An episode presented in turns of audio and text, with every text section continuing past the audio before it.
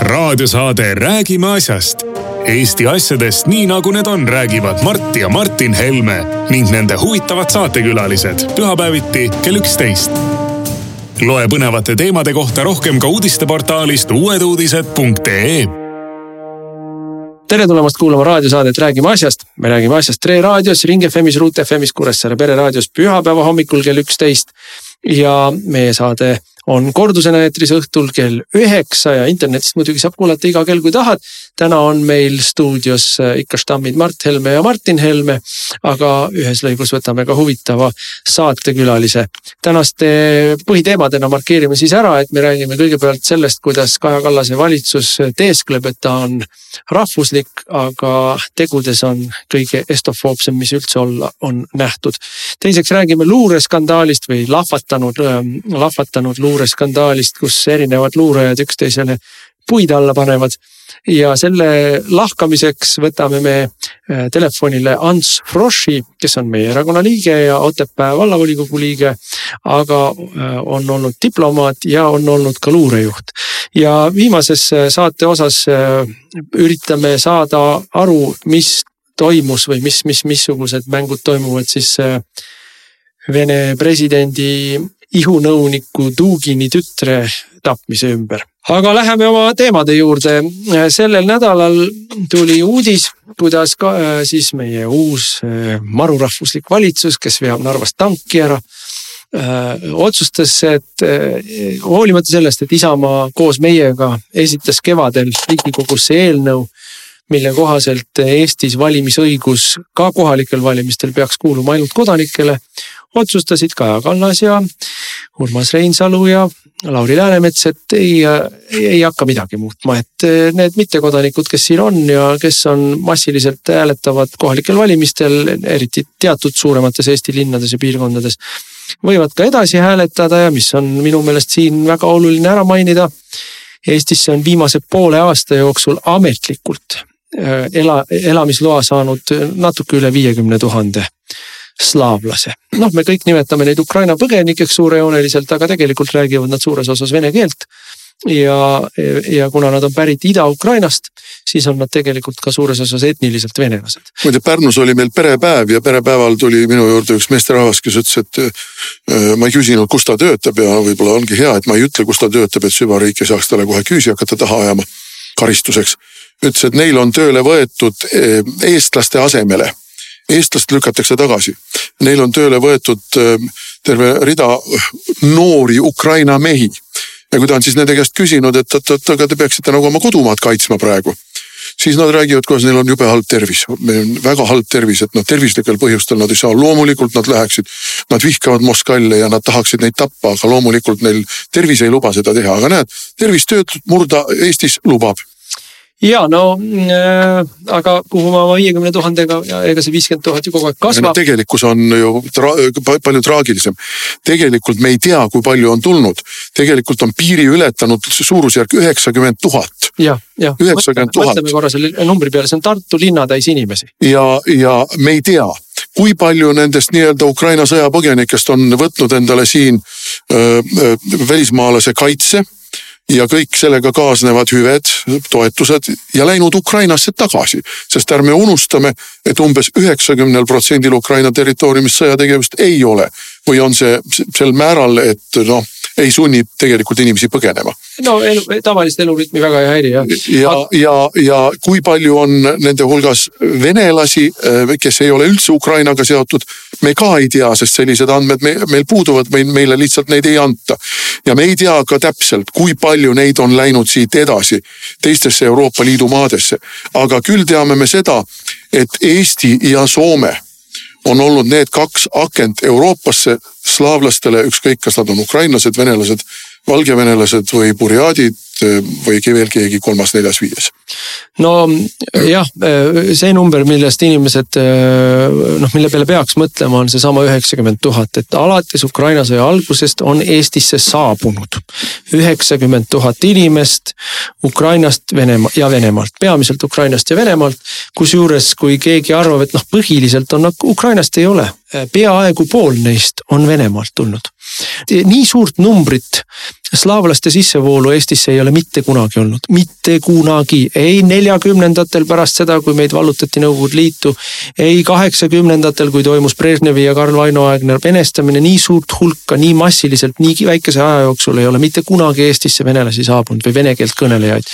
ja, ja äh, hoolimata sellest Kaja Kallas naudib mainet nagu tema oleks kange rahvusliku äh, nihukese eestimeelse valitsuse äh, juht ja äh, noh, ei ole, ei ole ja selle kinnituseks on see valitsuse otsus. valimisõigus kohalikel valimistel põhiseadust äh, muutmata ei saa valimisõigust anda mittekodanikele riigikogu valimistel, see on põhiseaduses kirjas. aga kohalike valimiste teema ei ole põhiseaduses reguleeritud ja seda on reguleeritud siis madalama astme seadustega. ja, ja üheksakümnendate teises pooles anti siis kohalikel valimistel venelastele valimisõigus, ütleme siis mitte, mittekodanikele. ja, ja, ja sellest alates, sellest ajast alates ei ole ei Tallinnas ega Narvas ega kuskil mujal eestlastel võimu juurde asja olnud, põhimõtteliselt võib nii öelda. ja nüüd eh, noh, inimestele see üheksakümmend tuhat võib-olla jääb ka abstraktseks, et see ei ole nagu number, mille, mida noh, oleks võimalik mõõtkaasse panna, aga paneme mõõtkaasse, et Tartu linn on natukene väiksem kui sada tuhat elanikku. üheksakümmend kuus, seitse, kui ma äh, peast arvaks. ja ta on Eesti teiseks suurim linn. no Tallinna linnas on nelisada kakskümmend tuhat elanikku ja sellest äh, noh, kuni Ukraina sõja alguseni oli eestlaste ja venelaste osakaal peaaegu täpselt pooleks. see tähendab siis, et kakssada tuhat või natuke rohkem eestlast ja, ja, ja kakssada tuhat mitte-eestlast ehk peamiselt jälle vene, vene keelt kõnelevad inimesed. nii et see on siis juba Tallinna vene keelt kõneleva elanikkonna kasvamine poole võrra on näiteks see number, aga paneme kõrvale mingeid teisi numbreid. kui suur on Haapsalu linn? no koos ümberkaudsete küladega üksteist tuhat. kui suur on Rakvere linn? paarteist tuhat. Võru linn? kakskümmend tuhat nibin-nabin tuleb kokku. Need on Eesti mõistes maakonnakeskused ja suured linnad juba paarkümmend tuhat, noh, ütleme me, meile on tulnud siia siis laias laastus viie Võru linna jagu umbkeelseid slaavlasi riiki poole aasta jooksul ja loomulikult. Äh, mingit pidurit ei kavatsegi. ja, ja, ja, ja, ja ei vastupidi, äh, ju immigratsiooniseadused on meil läinud järjest lõdvemaks. üks näitleja oli meil siin geniaalne, kes ütles, et sel ajal, kui Ukrainas pommid langevad, meie kurdame kõrge elektri hinna üle. vabandust, aga ukrainlased ei kurda kõrge elektri hinna üle.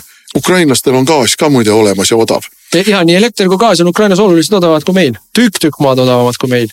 nii et selles mõttes. Äh, Venemaast rääkima. ja noh, et selles mõttes ma nagu mm, noh, ma muidugi ütleksin, et need võrdlused on kohatud võib-olla ikkagi, et äh, miks peab Eestis olema sel ajal elektri hind pöörane, kui Ukrainas sõda käib.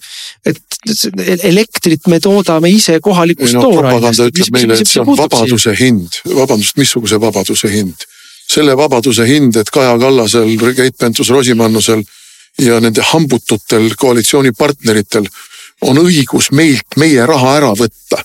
see on see vabaduse hind siin ei ole vabadusega midagi pistmist. kindlasti mitte turumajandusega. aga ma tulen tagasi selle rahvusliku, rahvusliku maine juurde, mida, mida taob endale vastu rinda siis tänane valitsus. miks ei tehtud siis, kuigi Isamaa, ma ütlen veelkord, koos meiega Isamaa algatas seaduseelnõu, mis oleks äh, siis äh, ainult kodanikele jätnud valimisõiguse. mina kusjuures arvan, et see oleks äh, selles mõttes, noh, ta muidugi on, on, on raske otsus või keeruline otsus, ta tekitab mingeid ühiskondlikke pingeid kahtlemata ka. aga ta pikas plaanis kindlasti on kasulik, sellepärast et see paneb need Eestis olevad venelased, kes on siin juba kaua aega olnud ja, ja kelle integreerimisega me oleme ikkagi suurt vaeva näinud ja tööd teinud. et need paneb ikkagi noh, sellise valiku või noh sundolukorra ette, noh sunnib neid lõpuks võtma vastu otsuse, et kes ma siis olen kas ma olen siin mingisugune alaline elanik lihtsalt niisama või ma olen ikkagi selle riigi kodanik. ja ma arvan, et see aitaks meile integratsioonile kindlasti kaasa. Mm, äh, aga ei, meie seda sammu ei tee, meie veame Narvast tanki ära. nüüd äh, teine põhjus, miks seda otsust ei tehtud, on minu meelest äh, üliküüniline. Need praegu Eestisse tulnud inimesed loodavad, reformierakondlased ilmselt loodavad, et hakkavad tulevikus neid toetama, viiskümmend tuhat uut valijat ikkagi neile. Reformierakond oli ju see, kes nad siia riiki tõi Reformierakond oli see, kes neile andis kõik asjad, tasuta äh, meditsiiniabi, tasuta äh, korterid, tasuta kooli, koolikohad. noh, loomulikult nad valivad ju pärast siis seda erakonda, kes neile seda kõike on võimaldanud. et äh, minu meelest toimub massiline Eesti venestamine ja samal ajal võimulistuvad erakonnad, kes seda teevad ja eestlastele räägivad, et nad ajavad Eesti asja, juba mõtlevad mitme aasta peale ette, et hoida võimust kinni ka nende häältega, keda siis Eestisse no, kõige küünilisem ja kõige häbiväärsem on selle juures rääkida eesti keel, täielikule eestikeelsele haridusele üleminekust. mis on ju Kaja Kallase ilmselge lipukiri riigikogu valimistele minekul nüüd äh, märtsi algul, kui need riigikogu valimised peaksid peaksid üldse toimuma ja enne seda Kaja Kallas ja, ja tema liitlased ja protežeed süvariigis ei otsusta, et aga valimisi pole üldse vaja korraldada, et Kaja Kallas peab igal juhul jätkama, Reformierakond peab igal juhul jätkama. sest see tagab meile poliitilise stabiilsuse, meile ühiskondliku stabiilsuse. okei okay,, ärme sel teemal praegu pikemalt aruta, aga see on küüniline, sest meil ei ole õpetajaid, Eesti koolidessegi ei ole piisavalt õpetajaid rääkimata eesti keele õpetajatest koolidesse, vene koolidesse, rääkimata eesti keele õpetajatest lasteaedadesse, sõimedesse, ükskõik mis nullpunktist alates me hakkame rääkima eesti keelele üleminekust Eesti riigis. Te ujutate riigi üle slaavlastega ja siis arvate, et nagu nõiavitsaga te panete nad üleöö rääkima eesti keelt ja teete nad eestikeelseteks ja sedakaudu just nagu ka eestlasteks. no see on ju täiesti hullumeelne mingisuguses fatamorganas elamine. ei no aga võtame lihtsalt numbrid. noh, inimestel ikkagi tuleb nende noh, ütleme selle perspektiivi või seal noh, nende proportsioonide mõistmiseks natuke numbrid ette panna. Eesti riigi võimekus õpetada venelastele, vene lastele, kes vene haridussüsteemis, praeguses venekeelses haridussüsteemis on, õpetada eesti keel selgeks siiamaani, no me saame ju nende nii-öelda edukalt sooritatud eesti keele riigikeele eksami testide järgi teada, me teame täpselt numbrit, kui palju on võimalik, kui, kui palju viimastel aastatel või viimase aastakümne jooksul Eesti riik on siis venelastele suutnud, vene lastele suutnud eesti keelt õpetada. see number on natuke üle tuhande aastas üle tuhande aastas, nii, nüüd meil on tulnud riiki sisse viimase poole aasta jooksul kaheksakümmend seitse või kaheksa tuhat vene keele kõnelejat, umbkeelset vene keele kõnelejat.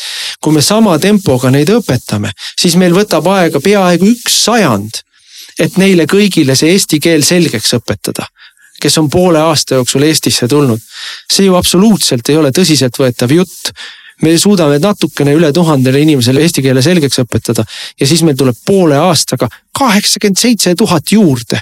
see ei ole ju lihtsalt, no mis eestikeelsest riigist me räägime, mis eestikeelsest haridusest me räägime, see kõik, see kukub kolinal kokku lähiaastatel. ja ma veel kord rõhutan, see on hetkehinnang het,, hetkel kusagil kaheksakümmend viis, üheksakümmend tuhat. pange tähele, kaheksakümmend viis, üheksakümmend tuhat, see viis tuhat, mis on see lõtk tundub selle numbri sees juba täiesti ebaolulisena, mis see viis tuhat ära ei ole. ma juhin veel ühele aspektile tähelepanu, esiteks see protsess ei ole lõppenud see protsess kestab ja see valitsus ei kavatse piiri kinni panna. suurt propagandamüra tehakse selle üle, venelastele turismiviisa välja, väljaandmine, selle lõpetame ära. tore, aga venelaste vastuvõtmist ei lõpeta ära ja ega see turismiviisa meid ei häiri, meid häirib elamisload, mis antakse. see on üks asi, nüüd teine asi vähemalt viisteist aastat ma olen kuulnud, aga võib-olla rohkem seda, kuidas ei no narvalased tahavad väga eesti keelt õppida, aga nad kahjuks ei saa selles keelekeskkonnas seda praktiseerida. mistõttu nende eesti keele oskus ongi nii kehva. ühesõnaga Narvas, mis on ju see mudel, mida praegu maale tervikuna tekitatakse, ei saa eesti keelt praktiseerida. teeme siis Tallinnast ka kaheksakümne või üheksakümne protsendi ulatuses venekeelse linna ja siis õpetame neile eesti keelt ja siis kurdame, et või no jaa, nad ikka tahavad eesti keelt õppida küll, aga näe, praktiseerimisvõimalused Tallinnas on nii nigelaks muutunud. ja, ja siis levitame selle mudeli üle kogu Eesti. et see on ju, see on ju teie, teie oma propaganda lõikab teie propagandal jalad alt ära ja no ja paneme siia, noh, sina praegu räägid sellest, et meil on see nii-öelda protsess kestab, sissevoolav protsess. aga see sissevoolav protsess käivitab ja võimendab ju väljavoolava protsessi. eestlased ütleme, mis on põhjus, miks Eestis elada? noh, hea küll, oli soe suvi, aga üldiselt on meil kehvapoolne kliima palgad on ka juuli, nagu. juulikuus oli ikka väga näruilm. ja, ja palgad on ka ikka kehvapoolsed, et noh, see, see vana, vana, vana nali, et miks on Eestis parem elada kui Lätis, sellepärast et Soome on lähemal, ikkagi vastab vastab noh, on elu, elu on niimoodi paika pannud selle nalja, et eh, Eestis elatakse ikkagi, eestlased elavad Eestis ja tulevad tagasi Eestisse. meil on erakonnas terve hulk inimesi, kes läksid noorena siit ära, läksid tööle, läksid kooli, tulevad tagasi, tulevad ühe sama jutuga. Eesti on mu kodu, see on ainus koht, kus on veel teised eestlased, kus on eesti kombed, kus on noh, see kultuur, mis, mis, mis on mulle nagu südamelähedane. kui see ära võtta kui see võimatuks muuta, kui see läbi segada mingisuguse noh noh, hoopis teise temperamendiga slaav, vene keele ja slaavi temperamendi, siis ta ei ole enam, siis, siis see ainus koht, kus meil on kodu ju võetakse meilt ära. ja siis ausalt öeldes müü oma kinnisvara, kui sul on üldse kinnisvara, noortel ei ole sedagi võimalik osta, sest et needsamad pagulased või needsama, seesama immigratsioon, see massiimmigratsioon on ju üks põhjus, miks meil on kinnisvara hinnad plahvatanud. Eesti inimesed ei jaksa midagi enam osta, aga suurelt-laialt Venemaalt, suurelt-laialt Ukrainalt, kus on oligarhe rohkem, kui meil on äh, uusrikkaid elus olnudki äh, pole mingi probleem, no müüd aga Kiievis või Moskvas korteri maha ja see on kindlasti saad rohkem raha, kui on vaja Tallinnas uue korteri ostmiseks. et noh, see on üks põhjus, miks meie noored ei saa endale lubada korteri ostmist, sest et immigratsioon on ne nemad lükanud sellelt redelipulgalt maha, kust sa alustad omale oma kodu hankimist väikese korteriga ja laenuga, pärast vahetad suurema vastu ja. hea küll, eluaeg oled äh, laenuori, aga, elu lõpuks on sul oma kodu olemas. et äh, no, see, seda enam ei saa noh. no kui punased mängu ära ei riku, siis loodetavasti saad selle korteri või maja ikkagi pärandada oma lastele. aga mind kohutavalt ärritas, no ikka tõsiselt ärritas. Haridusminister Tõnis Lukase kusagil öeldud äh, repliik, et me peame oma uhkuse üles leidma ja igal pool eesti keelt rääkima. Lukas, et seal kulla sõber, sa lased masside viisi siia slaavlasi, venelasi, ukrainlasi, kes vaatavad eestlaste peale nagu mingisuguse kummalise ajaloo nurisünnitusena siia elama jäänud hõimukese peale, kes ootab, et nende keerulist ja mõttetut keelt peaks suurrahvaste esindajad hakkama siin massiliselt selgeks õppima. Tševo, tševo, Lukas, nalja teed või? ei no aga Lukas ei ole eesti keelt kaitsnud ka ju äh, ühegi teise keele eest, ega siis inglise keele pealetung kõrghariduses äh, marsib edasi. Marsib edasi, meie valitsuses olles me võitlesime selle vastu ja pressisime Mailis Repsi, tollast haridusministrit, kes tunnistas, et asi on käest ära läinud. aga noh, seadusemuudatuseni me ei jõudnud ja ja noh, me muidugi saime kokku ka nende rektoritega, ma sain nendega veel mitu korda kokku, nad käisid mult ju raha küsimas.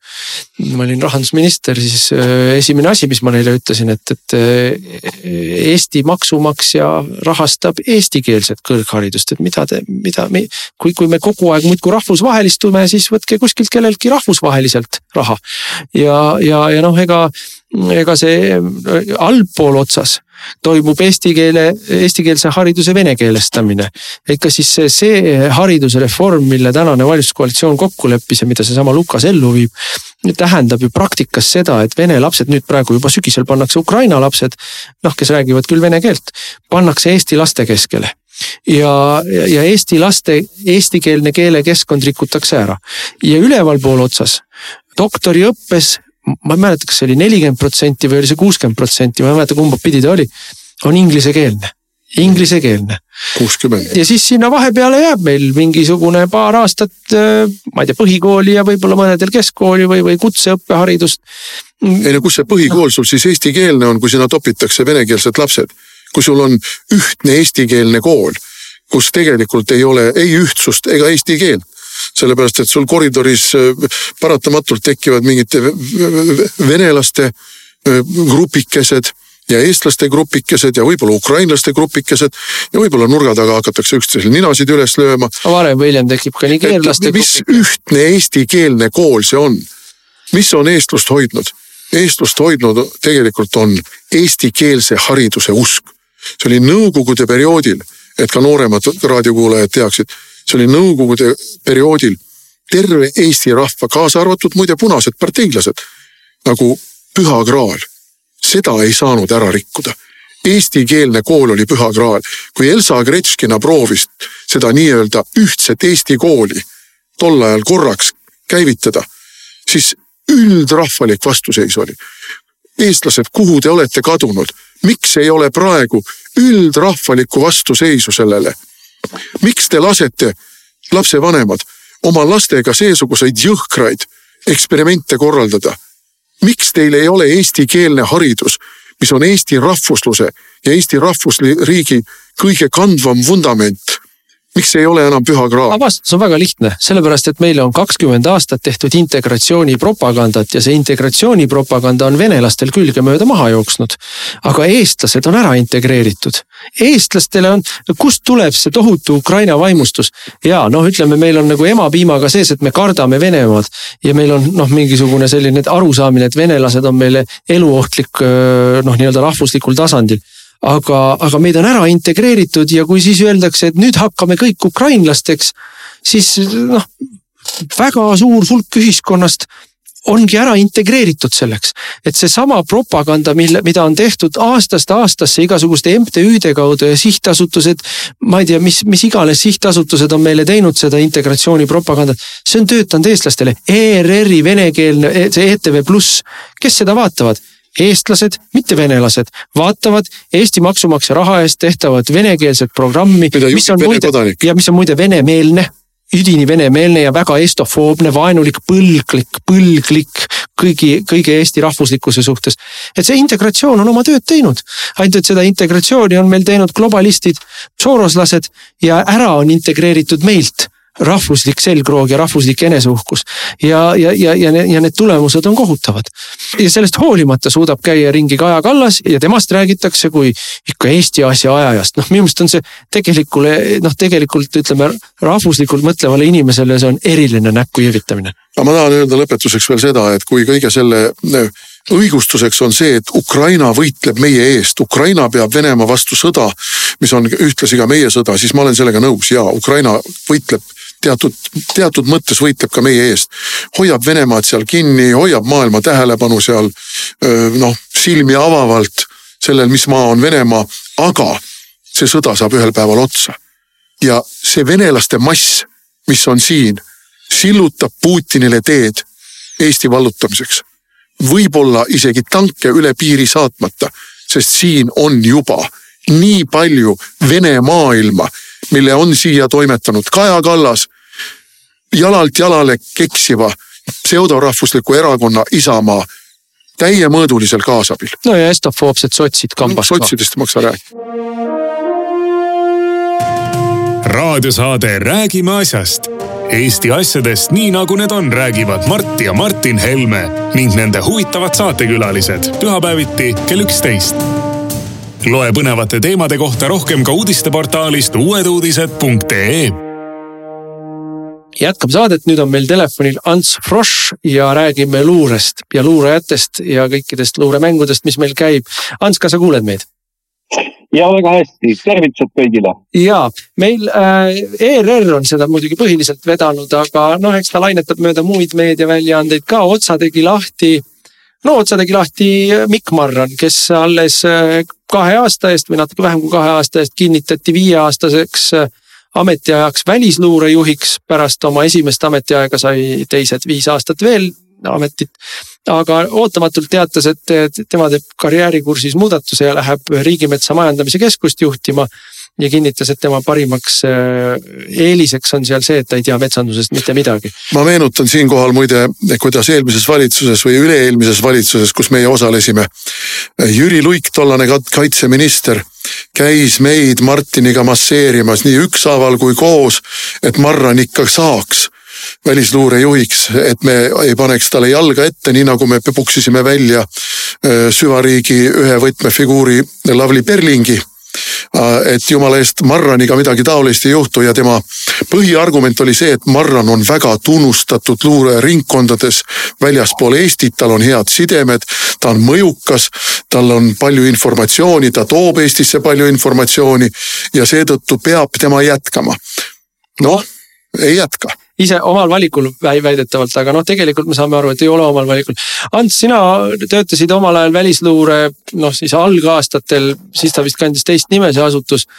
Mm, kuidas sina vaatad üldse kõike seda, mis siin toimunud on? ja ma unustasin nüüd siia sissejuhatuse juurde veel lisada, et aga läks natuke aega mööda ja sellele kõigile nendele personalipoliitilistele liigutustele andis omapoolse hinnangu Meelis Oidsalu, kes on olnud noh, kes on ka luuraja luuremaailmast pärit, aga siis peamiselt Äh, kaitseministeeriumi erinevatel ametikohtadel töötanud ja tema muidugi andis hävitava hinnangu nii Marranile kui, kui kõigele sellele, mis seal ümber toimub, kui Eesti luurele ja, ja noh, eks seal ole kindlasti üksjagu äh, selliseid paleeintriige ja üks osa mingeid isiklikke noh, vanasid kanasid kitkuda. aga, aga Ants, ütle mulle, kuidas sina seda olukorda üldse nagu kaugelt vaatad äh, ja mis mulje see sulle jätab? piinlik on, väga piinlik on, sest äh, kui me räägime võib-olla alg alguses äh, Marrani juhtumist, siis seejärel äh, ma räägiks paari sõnaga ka äh, süvariigist laiemalt. aga tuleme Marrani juurde tagasi. Marran pole siiski mm, esimene kõrge riigiametnik, kes äh, oma mm, tähtaja, tähtajalise töö pooleli jätab ja mm, tormisel merel kapten lahkub laevalt. see on häbiväärne. vaadake, ei ole ükskõik, kui teravad praegu tagantjärgi on need kirjeldused, mida Oidsalu on äh, rahvale teada andnud avalikult, siis äh, selgitus, nii poliitilise taseme selgitus kui ka mm, ametkonna selgitus ehk siis Välisluureameti selgitus, miks peadirektor sellise otsuse tegi, sellise kannapöörde sooritas, ei ole kellelegi mm, teada. meile on antud äh, läbi eelmise ministri, läbi praeguse kaitseministri tegelikult ainult häma. ja siin on mõistlik mm, mõelda nüüd selle peale, et tõesti, ma arvan, ei ole esimene, kes sellise sammu on astunud. on äh, teada ju siseministeeriumi kantsler äh, Lauri Lugna, kes väga sujuvalt ja ilma ühegi skandaalita siseministeeriumist samamoodi väga kiidetud äh, spetsialist, väga, väga lugupeetud inimene. aga ka lahkus ja jättis oma töö teiste teha. sama juhtus nüüd Marraniga. ja kui ma vaatan siin seda aegrida Marrani puhul, siis kuues juuni oli RMK konkursi tähtaeg hiljemalt sel ajal pidi olema mm, Marranile teada, et ta on otsustanud lahkuda. nüüd on küsimus, mida ta edasi tegi. aga rahvusvahelises plaanis ja sellesama tema tuntuse ja positiivse renomee foonil äh, osales ta Ameerika Ühendriikides üheksateist kuni kakskümmend kaks juuli Aspeni julgeolekufoorumil ja oli seal mm, väga äh, olulises ja tähendusrikkas paneelis. nimelt rääkis ta seal äh, Venemaast ja Ukraina sõjast. seega tol hetkel oli igatahes meie sõpradele, partneritele sõnum väga lihtne. kõik on hästi, kõik kulgeb nii nagu peab ja seetõttu ütleks, tuli mulle see viieteistkümnenda augusti Marrani otsus või informatsioon selle kohta, et ta on otsustanud äh, teha elus kardinaalse pöörde ikka väga suure üllatusena. ja ma usun, et see üllatus äh, on sama suur kõigile neile, kes äh, Eesti julgeolekuasutusi ja nende julgeolekuasutustega koostööd teevad ja tegelikult meie NATO partneritel on ilmselt suud lahti ammuli praegu. no ma ütleksin, et Eh, see ju, millest me räägime siin, välisluure ja loomulikult ka kaitsepolitsei ja noh, vähemal määral Eestis ka sõjaväeluure, noh, see on noh, see on kõige otsesemas mõttes süvariik, et need on julgeolekuasutused, need on asutused, mille tegevus on. Nii nagu meile kaitseministeeriumi kantsler ja kaitseministeerium, mõlemad kaitseministrid kõik ja noh, kõrvalt olevad erinevad asjapulgad ütlevad, et noh, neid asju avalikult ei kommenteerita, noh minu meelest on see probleem, et neid asju avalikult ei kommenteerita, et kui neid asju avalikult üldse ei kommenteerita, siis noh, ütleme, see ei ole kooskõlas demokraatliku läbipaistva valitsemisega, et on, on teatud asju loomulikult luuresaladused ja mingid muud saladused on, on saladused. aga, aga me ei noh, ütleme see personalipoliitika kõige kõrgemal tasemel, see ei saa olla saladus ja, ja, ja tegelikult mõnes mõttes ka eelarvepoliitika kõige kõrgemal tasemel, et kui palju me üldse anname või missuguses suurusjärgus ja. ja mille jaoks, noh, see on ka ikkagi mingisugune järelevalve peab siin olema. ja nüüd tulla ütlema, et noh, meil tegelikult on mingi asi vastu vahtile, vastu vahtimist lennanud ja tulla ütlema, et oi ei äh, siin ei ole midagi näha, vaadake mujale. näete, seal veereb Narva tank või, või, või, või ükskõik mida, et noh, see viisaka, viisakad inimesed ei peatu sellel teemal, et noh, minu meelest see ei ole adekvaatne reaktsioon. aga mulle tundub, et siin on taga siiski noh, mitu erinevat asja ja, ja, ja kõige olulisem on muidugi see, et kõikidel eh, teistel julgeolekuasutustel Eestis või ütleme siis jõustruktuuridel. see on siis kaitsepolitsei, politseiameti peadirektor, kaitsepolitseiameti peadirektor, äh, kaitseväe juhataja. Äh, saavad järgmisel aastal ametid läbi ja ma arvan, et see on ühes komplektis siin suuremate manöövritega personalipoliitika osas. mis minu meelest on põhimõtteliselt vale, minu meelest on, on, on täiesti vastuvõetamatu see, et tänane valitsus vahetult ennem valimisi hakkab tegelema personaliotsuseid teisel pool valimisi äh, toimuvatele, äh, ütleme siis äh, vabanevatele ametitele, et tegelikult ei tohiks ennem valimisi siin üldse midagi teha, ükski valitsus praegu.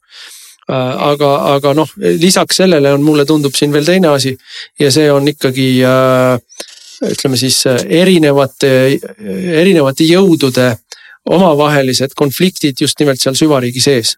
või kuidas sulle tundub? Ma kommenteeriks võib-olla mm, seda mm, aasta varem enne ametijuhtide mm, tähtaja, töötähtaja, töölepingu, lepingu lõppu tekkinud uh, survet, et uh, saaks kõik need jõuametite juhid uuesti paika juba aasta aega ennem. ja, ja mõnel juhul lausa poolteist aastat varem see on siis kaitseväe juhataja puhul. no ausalt öelda on see mm, kõik tervikuna kokku väga kummaline ja ei ole demokraatliku riigi praktika. sest äh, ja põhimõtteliselt see on ka juhtimiskorralduslikult teekatastroofi. Äh, mismoodi saaks näiteks Kaitsepolitseiameti peadirektor või Politseiameti peadirektor, Päästeameti peadirektor mm, juhtida edasi usaldusväärselt oma asutusi, kui neile on juba määratud teine pea. ei ole võimalik seda asutust juhtida kahe peaga, aga on paratamatu, et see olukord, kus määratakse enne tähtaega inimesed teise number, isegi mitte number kahed, vaid määratakse teine number üks, siis ma usun, et see laostab täielikult käsuahela ja inimesed ei vaata enam oma praeguse juhi poole, vaid kiikavad ikka selle poole, kes tema järeltulija on. no mina et ütleks, jaa. juhtimuslikult äärmiselt ohtlik olukord. ja mina ütleksin selle kohta muidugi niimoodi, et siin on täiesti ilmne see, et nii need süvariigi, need jõuametite juhid ise, nii praegused kui äh, kandidaatjuhid, kui praegune valitsus, praegust valitsust moodustavad poliitilised jõud ja kogu kartellierakondade komplekt tervikuna on mures. ja on mures sellepärast, et pärast valimisi olukorras, kus me praegu oleme nii julgeolekuliselt kui majanduslikult, võib toimuda maavärin. poliitiline maavärin, julgeolekuline maavärin, majanduslik maavärin ja nad soovivad kindlustada oma jalgealust ja oma võimupositsioone soovivad garanteerida iseendale, et kõikvõimalikud hoovad ühiskondliku rahulolematuse ja muudatuste tekkimiseks ja läbiviimiseks oleksid nende poolt juhitavad, nende poolt maandatavad ja, ja selle nimel käib praegu mäng. ja juhtimisteooriaga loomulikult, nagu sa väga õigesti ütlesid, ei ole see absoluutselt kooskõlas, küll aga võimu säilitamise instinktide ja võimu säilitamise manöövritega on see täielikus kooskõlas. jah, no täiesti selge on see, et toimub poliitilise võimu tsementeerimine, betoneerimine ja, ja seda tehakse üheskoos siis äh, teatud kõrgemate riigiametnike grupiga. Äh, see, see grupp ei pruugi olla mm, ütleme niivõrd sidus, nagu näitab ka ütleme Oidsalu juhtum ja, ja see, kuidas tuldi välja väga teravate detailidega. Äh, sest ega ma pean ütlema, et ega need asutused ei ole nii monoliitsed, seal on ikkagi väga erinevaid inimesi, väga erinevaid vaateid ja kindlasti see, et äh, paljud inimesed, kes nendes asutustes töötavad, on ikkagi Eesti patrioodid ja lähtuvad mitte isiklikust huvist, vaid seavad esikohale riigi huvi.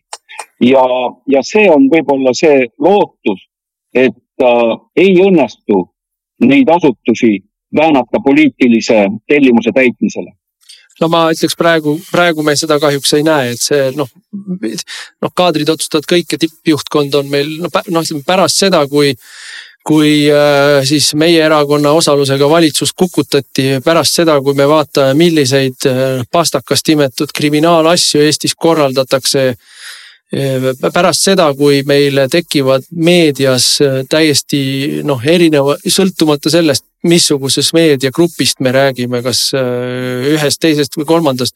on noh, äravahetamiseni sarnased nii-öelda narratiivid, noh Ukraina sõja teemal või, või mingitel muudel teemadel, vaktsiini teemadel.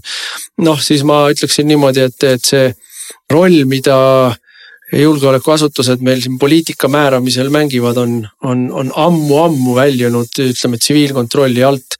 ja, ja noh, kogu, kogu see mäng selle ümber käibki, et, et, et juhtide tasemel äh, oleks kõik edasi ka nii kindlates, nii kindlates kätes nagu vähegi olla saab ja, ja noh, kui ma vaatan siin Päevalehes oli mingisugune lugu, kus pandi meile välja nii-öelda seitse kandidaati, noh juba spekuleeritakse nimedega.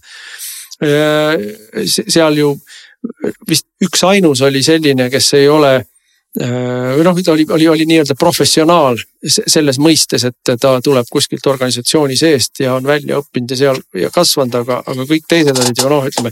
Elmar Vaher välisluurejuhiks või, või, või ka Sinisalu välisluurejuhiks, noh, see on ju. see on täpselt see, millest Oidsalu kirjutas, et toimub ringmäng ühtede samade inimestega ja paigutatakse omasid ühtedele samadele soojadele kohtadele. sõltumata sellest, kas nad oma tööga on hakkama saanud või, või mitte õigemini äh, see mõõdupuu ei ole mitte see, kas saadi tööga hakkama, vaid mõõdupuu on see, eh, kas on, kui edukad on oldud poliitika suunamisel, ehk siis noh, tegelikult ma näen küll seda, kuidas meil eh, jõustruktuurid on teinud endale sobivad poliitikud, kes siis eh, annavad poliitilist katet nendele jõustruktuuridele. jah, siin on muidugi ka mm, selliseid üsna ootamatuid aspekte välja ilmunud ma aeg-ajalt ikka Otepäält pääsesin ka mujale liikuma ja, ja varakevadel, kui ma Tallinnas käisin äh,, sattusin ma kokku ühe oma endise kolleegiga. noh, selles mõttes, et mina olen nüüd siin maal ja mm, vaatan asju eemalt. aga meil oli väga huvitav jutuajamine. nimelt kinnitas ta seda, et Mm, kaitsepolitseiameti ja prokuratuuri läbipõimumine on oluliselt sügavam, kui seda ametkondlike seoste ja sidemete põhjal peaks tekkima. nimelt on äh, päris mitmed ja mitmed perekondlikud liidud, mis äh, hõlmavad siis nii Kaitsepolitseiametit kui ka mm, prokuratuuri. et on toimunud ikkagi täiesti selge rohujuure tasandi läbikasvamine ja seal sellises organisatsioonis võib muidugi juba mm, olla väga keeruline mm,, väga keeruline ütleme, jätta kõrvale siis isiklik huvi ja lähtuda ainult riiklikust huvist. ja, ja sellisel puhul on võimalik ikkagi mm, täiesti oma kildkondlikku klanni huvi läbi viia ja põhiliselt ikka sellesama karjääri karjääri elluviimise mm, oma isikliku huvi kaudu. No selle asja nimi on korruptsioon ja noh, korruptsiooni on ju mitmepalgelist, et üks korruptsiooni noh, me, me mõtleme, et korruptsioon on, et keegi võtab altkäemaksu, ei, see ei pruugi üldse niipidi olla, et korruptsioon võib ka olla see et äh, tehakse ebapädevatele inimestele soojasid kohtasid. korruptsioon võib ka olla see, et, et sa mingeid asju ei uuri, sellepärast et äh, see mõnele su, ma ei tea, koolivennale või, või, või heale sõbrale või aatekaaslasele noh, valmistaks meelehärmi, noh, see kõik on korruptsioon. ja korruptsioon loomulikult on ka see, kui sa noh, nii nagu Oidsalu kirjutas, teed endale noh, kuidas see noh, ütleme piltlikult öeldes miljoni euro eest klaasakna. et ma noh, olen äh, rahandusministrina ju näinud, et äh, ega nende, nende asutuste äh, kuluread on ju nii riigikogus kui ka ministeeriumite sees, ministeeriumite eelarvetes ju nii-öelda punase joonega üle, noh punase templi all. ja riigi, riigikontroll ei ole neid mitte kunagi kontrollinud ja ega ka sise, noh, nad ütlevad, et ah, meil on väga tõhus sisekontroll ega neid sisekontrolle ka väga ei näe, kui sa pead, sa pead kurja vaeva nägema ministrina. no riigikontrolör ei pääse üldiselt sinna eriti ligi ja riigikontroll on, on nende asutuste finantstegevuse kontrollimise, aga küsimus ei ole ainult finantskontrollis. on, võim, no. on ka ikkagi võimu kasutamises, võimu kuritarvitamises või võimu kasutamata jätmises. no näiteks võimu kasutamata jätmine on ka see, kui näiteks Indrek Tarand praegu pääseb sisuliselt puhta nahaga et äh, äh, siin äh, ühe kohvikupidaja puhul riik kehtestas ennast, aga nüüd meil on, on üks tegelane, kes noh, on, on, on selgelt vahele jäänud, joobnud päi ja, ja juba käib juba käib puhtaks pesemine, et just nagu polegi midagi juhtunud. et see on ka korruptsioon. Ja, ja vaat, mis ma tahtsin öelda selle riigikontrolliga, ega ministril on ka raske saada kaitsepolitsei või ka sellesama välisluure numbreid ja mille peale kulutatakse konkreetselt. mind näiteks väga huvitab, kui suur on kaitsepolitsei eelarve ajakirjandusega töötamiseks. kas neid lihtsalt toidetakse mingisuguse konfidentsiaalse materjaliga ja öeldakse, et te võiksite sellest loo teha või kuidas need asjad käivad, mind see väga huvitab, sest see mõjutab ühiskondlikku arvamust teatud inimeste, teatud protsesside, teatud asutuste ja, ja, ja kogu ühiskondliku mm, funktsioneerimise suhtes. et mind see väga huvitab, aga mitte kusagilt neid numbreid me kätte ei saa sest need on nii paksu saladusega kaetud. või isegi kui sulle tuuakse mingid numbrid, siis on ju selge, et sind viiakse küll kuskile sinna tinatuppa ja pannakse mingid paberid laua peale. Aga need paberid, mida sulle seal esitatakse, on valikulised. siin tuleb nõustuda sellega, et äh, tsiviilkontroll Eesti julgeolekuasutuste üle no praktiliselt puudub. kui me räägime siin parlamentaarsest kontrollist, siis see on äh, täiesti hambutu täiesti praktiliselt olematu, see on äh, seadus, mis seda reguleerib, ehk siis julgeolekuasutuste seadus. on aastast kaks tuhat üks ja, ja seda, selle mm, täiendamise ja, ja ka parandamise ja muutmise ütleme, jõupingutused, mis selleks on tehtud läbi erinevate mm, perioodide, on kõik jooksnud liiva. ja tavaliselt on sellele järgnenud siis ka ütleme teatud inimeste suhtes äh, Äh, surve ja ka isegi kättemaks. nii et need asjad on Eestis kõik äh, reaalsus. aga mm, ma räägiks võib-olla paari sõnaga siin sellest, mis on seotud nüüd ministeriaalse kontrolliga.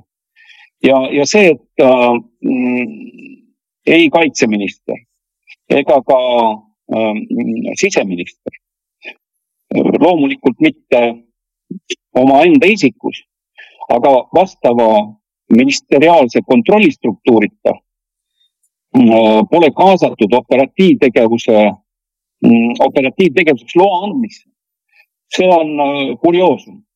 me oleme olukorras, kus tegelikult haldusala ministrile ei, seesama, millest sa, Mart, rääkisid. sa ministrina ei teagi, mida su allud teevad.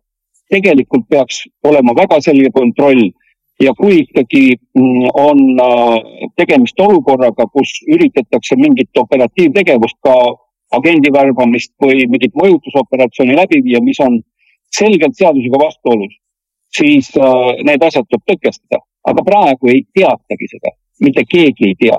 see on puhtalt jäetud äh, teenistuste enesetsensuuriks ja mm, tõenäoliselt oleme me jõudnud oma riigi arengus sinnamaale, kus see hakkab juba ohustama demokraatiat. Ja... ma arvan, et see hakkab ohustama riigi olemasolu tervikuna sest et äh, need tegelased, kes neid protsesse juhivad, sisuliselt äh, noh, käputäis inimesi terves Eestis, käputäis inimesi. Äh, need näevad asju väga kitsarinnaliselt oma mätta otsast ja mingist poliitilisest juhtimisest ei ole meil juttugi.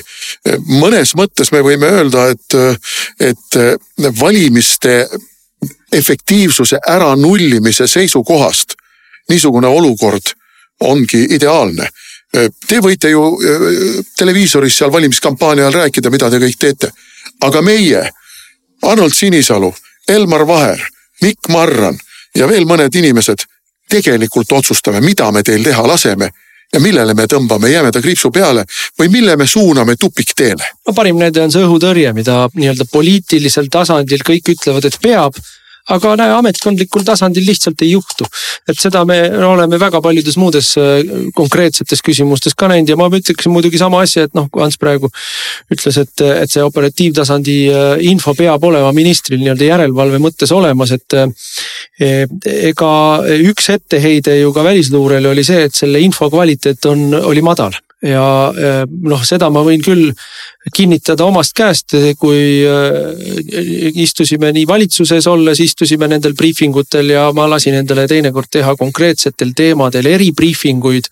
noh, mind näiteks huvitasid noh seoses rahapesuga mingisugused äh, rahvusvahelised erinevad teemad ja noh, selle info kvaliteet noh, ma ütleks niimoodi, et marginaalselt laiendas mu silmaringi, et see ei olnud väga midagi sellist ja, ja ma ei oska vastata, ma tõesti ei oska vastata, kas põhjus oli selles, et nad ei teagi rohkem. või oli põhjus selles, et nad oma päris päris, päris mahlakaid palasid mulle lihtsalt ei esitlenud, aga, aga, aga kumbki variant tegelikult ei ole vastuvõetav. Ants, kas sa tahad veel mõne, mõne omapoolse kommentaari või märkuse siia lõppu öelda? Ma tahaks, äh, kui me tuleme nüüd veel kord äh, ütleme süvariigi juurde, ilmselt see süvariigi teema ei kao mitte kuhugi lähiajal. on, on selge, et sellest ei pääse üle ega ümber. aga mm, ma võib-olla räägiks veel paari sõnaga sellest, et äh, kui me vaatame nüüd, mis toimus Keskerakonna sise, endise siseministri Kristian Jaaniga siis just Kristjan Jaani oli see, kes äh, üritas tuua seda kobarmääramist lauale. kusjuures need inimesed on erinevate tähtaegadega, erinevad, noh, see, see aeg on päris mitme kuu pealt tegelikult kokku võetud mitmete ametkondade peale ja üritati sellist kobarmääramist ära teha. ja kui te vaatate nüüd seda, mis äh, siseministriga, endise siseministriga juhtus, siis ta ju maandus praegu tema jaoks loodud äh, ametikohale, nõuniku ametikohale siseministeeriumi. et no ma ütleks, et äh, tugevamat kinnitust sellele, et äh, tegelikult pigem võiks öelda, et minister Jaani oli siiski süvariigi tankist selles ministeeriumis. et selline, see mulje jääb ja seda muljet ei ole võimalik murda ja no ta tõi meile ju kõiki asju, tema tõi meile abise seaduse ehk kõikehõlmava jälitusseadustiku ja noh, sealt tuli ainult pärleid. temale meeldis massiimmigratsioon ja noh, ta noh, ei olnud, ei olnud halba asja, mida Jaani heaks ei kiitnud. aga äh, meil selle saate lõigu osa aega on otsa saanud ja isegi natuke lõhki rääkinud. Eh, Ants Frosch oli meil liinil, Ants Frosch on meie erakonna liige ja on eh, Otepää volikogu liige, aga tema varajasemas karjääris on olnud ka diplomaaditöö ja ennem diplomaaditööd oli luuretöö. nii et eh, selle tõttu me temaga siin mõtteid vahetasime. aitäh sulle, Ants ja soovin jõudu Otepääle. tänud, parimad soovid siitki teile raadiosaade Räägime asjast Eesti asjadest nii nagu need on, räägivad Mart ja Martin Helme ning nende huvitavad saatekülalised pühapäeviti kell üksteist. loe põnevate teemade kohta rohkem ka uudisteportaalist uueduudised.ee jätkame saadet, ähm, räägime siis, meil ei ole väga palju aega enam järgi jäänud, räägime siis sellest Dugina, Dugini, Dugina mõrvast. noh, minu meelest on üsna selge paar asja. esiteks on tegemist ülikeeruliste luuremängudega. teiseks on tegemist meile konkreetselt Eestile ohtlike luuremängudega, sest et meid tõmmati sinna sisse. ja kolmandaks on äh, tegemist luuremängudega, mis on läinud üle tavapärase, tavapärase nii-öelda kirjutamata reeglite piiride. ja see teeb selle asja veel ohtlikumaks jah, äh, noh ikkagi külma sõja ajal eksisteerisid teatud punased jooned, et teatud äh, rangiga inimesi ja vastasluure agente ei mõrvata no me võime ju rääkida siin Skripallidest ja, ja, ja nendest mõrvadest ja öelda. Need olid ka reeglipärased, sest et ülehüppajad olid äh, nii-öelda lubatud sihtmärk. Need olid lindpriid ja, ja et, et noh, siin miks ma seda teema tõin, on, et noh op, oponendid kohe ütleksid, aga näe, Venemaa ise alustas ei, ei ole päris korrektne, et loomulikult äh, ka need mõrvad olid juba teatud punase joone ületamine. eriti aga, see, kuidas seda tehti. jah, aga külma sõja ajal ikkagi põhimõtteliselt oli, oli selge, teatud rangiga inimesi ei puudutata ja teatud ja, ja luurete operatiivtöötajaid samuti ei puudutata, sest noh, see on nii-öelda peegeldusefekt sina mulle, mina sulle ja see on niisugune veritasu värk, mis kasvab lõpuks raamidest välja ja mida ei ole võimalik enam pudelisse tagasi. see muide sai äh, paika külma sõja alguses, kui Stalini ajal veel vahetult pärast, nii teise maailmasõja ajal kui teise maailmasõja järel oli, oli siis äh, operatsioon Šmerš ehk surm spioonidele, kui, kui tõesti siis äh, Nõukogude Liidu luured, kui said kellegi teise kätte, tapsid ära. noh, tõenäoliselt ennem ikka piinasid, kui palju vähegi võimalik oli infot kätte saada. aga põhimõtteliselt ja, ja, ja, ja noh, ega siis sellele teine pool vastas samamoodi. ja ühel, ühel hetkel oli see aader ära lastud ja, ja, ja need, need spioonid olidki surma saanud. ja noh, noh luuremaailm ei ole tegelikult nii suur, nagu me arvame või noh, nagu võiks arvata, et see noh ja seal noh, need, need, need inimesed on, teavad üksteist päris hästi kõik ja, ja noh, seal on mingisugused sellised äh, kirjutamata reeglid. Eh, millest minu meelest on nüüd selgelt üle mindud ja, ja muide, ma panen siia sellesse samasse kampa, meil ei ole praegu aega, et sellest rääkida, aga ma panen siia samasse, samasse komplekti, ma panen Shinzo Abe tapmise. see, see ei olnud ka tavaline mingisugune poliitiline mõrv, seal on taga mingid salaluurete mängud, millel noh, Aasias on veel asi veel keerulisem. no siin kahtlustataval näpuga näidatakse hiinlaste peale, kuna Abe oli väga selgelt öelnud, et kui peaks puhkema Hiina sõda USA-ga Taiwan'i pärast, siis või ka lihtsalt Hiina ründab Taiwan'it, siis Jaapan läheb Taiwan'ile appi. ja võimalik, et hiinlased sellele reageerisid sel moel, aga siin ma arvan, pole mõtet rohkem spekuleerida, sest me ei tea nii täpselt. aga mis mind muidugi häirib, et mitte öelda ärritab, on see, kuidas meil äh, Darja Tuugina tapmist käsitletakse peavoolumeedias. umbes niimoodi, et äh, ta oli Putini liitlase tütar ja kõrge profiiliga vene natsionalist. ja seetõttu oligi tema tapmine just nagu igati õigustatud asi. ei ole, sõbrad, kui rahvusvaheline poliitika langeb terrorismi tasemele ärme ütleme, et see oli Ukraina käsi, mis siin mängus on, ärme ütleme, et siin oli lääne käsi. mina ütleks, et ütleme, midagi, mis praegu on välja käidud, ei ole. ärme ütleme ka, et siin oli FSB käsi, me ei tea seda. on neid, kes teavad, aga ärme ütleme, aga igal juhul ei ole aktsepteeritav see, kui rahvusvaheline poliitika mandub terrorismi tasemele ja igasuguseid, ma ei tea, linnapäid ja provintsivalitsejaid ja ideoloogia hakatakse lihtsalt autopommidega õhku laskma. Kuulge sõbrad, see on ju Afganistan, see on ju Taliban. no ma ütleksin lisaks sellele, noh minu meelest ei ole see ka mõistlik, et me siin noh, kuidagi kahju rõõmsalt irvitame. esi, esimene põhjus on see, et see kuidagi ei ole adekvaatne, sest et kõik Kremli orbiidil olevad inimesed, kõik Kremli töötajad, kõik Vene, kogu Vene parlament, need on seal nagu kirjukooli oli, kõik kohalikud kubernerid, kõik on Vene šovinistid noh, selle loogika järgi neile võiks kõigile autopommi alla panna ja noh, minu meelest see ei ole nagu päris adekvaatne lähenemine Eh, aga noh, ma ütleks, et mis on nagu praktiliselt teeb mulle väga muret, on see, et mis, mis nüüd inimesed ette kujutavad, et sellele ei järgne kättemaksu või. loomulikult järgneb sellele kättemaks ja siin ma nagu mure, olen mures just nimelt Eesti pärast. ja, ja Eesti oli see riik, kuhu siis see, see tapja põgenes. väidetav tapja. no väidetav tapja, no minu meelest on üsna ilmne, et see noh, kui, kui meile tulevad kogu aeg uudised sellest, et nüüd on ta juba äh, Leedus, nüüd on ta Austrias, nüüd on ta, ma ei tea, Portugalis või kus iganes. et noh, tegelikult on ta neil ju teada ja sihikul.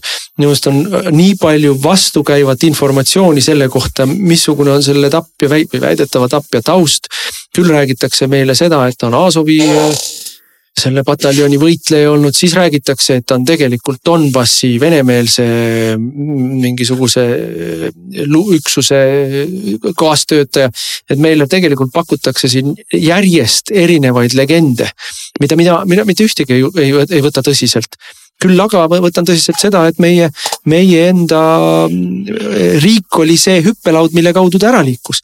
ja noh, ma, ma olen mures selle pärast, esiteks ma olen mures sellepärast, et kuidas meie süvariik lasi sellel juhtuda, sellel ei oleks tohtinud lasta juhtuda. ja teiseks oleme mures sellepärast, et, et kust iganes ta tuli ja kuhu iganes ta läks ja kes iganes ta saatis. venelased peavad vähemalt osaliselt Eestit selle mõrva kaasosaliseks aga meil sai aeg otsa, et me seda teemat võib-olla oleks tahtnud natuke pikemalt analüüsida. aga teised, teised saatetükid võtsid oma aja ära. igal juhul äh, kuulake meid jälle järgmisel nädalal, kui süvariik vahepeal kinni ei pane ja äh, ilusat suve lõppu Te kuulasite raadiosaadet Räägime asjast. saate eest tasus Eesti Konservatiivne Rahvaerakond. järelkuulamine internetis treeraadio.ee ja uueduudised.ee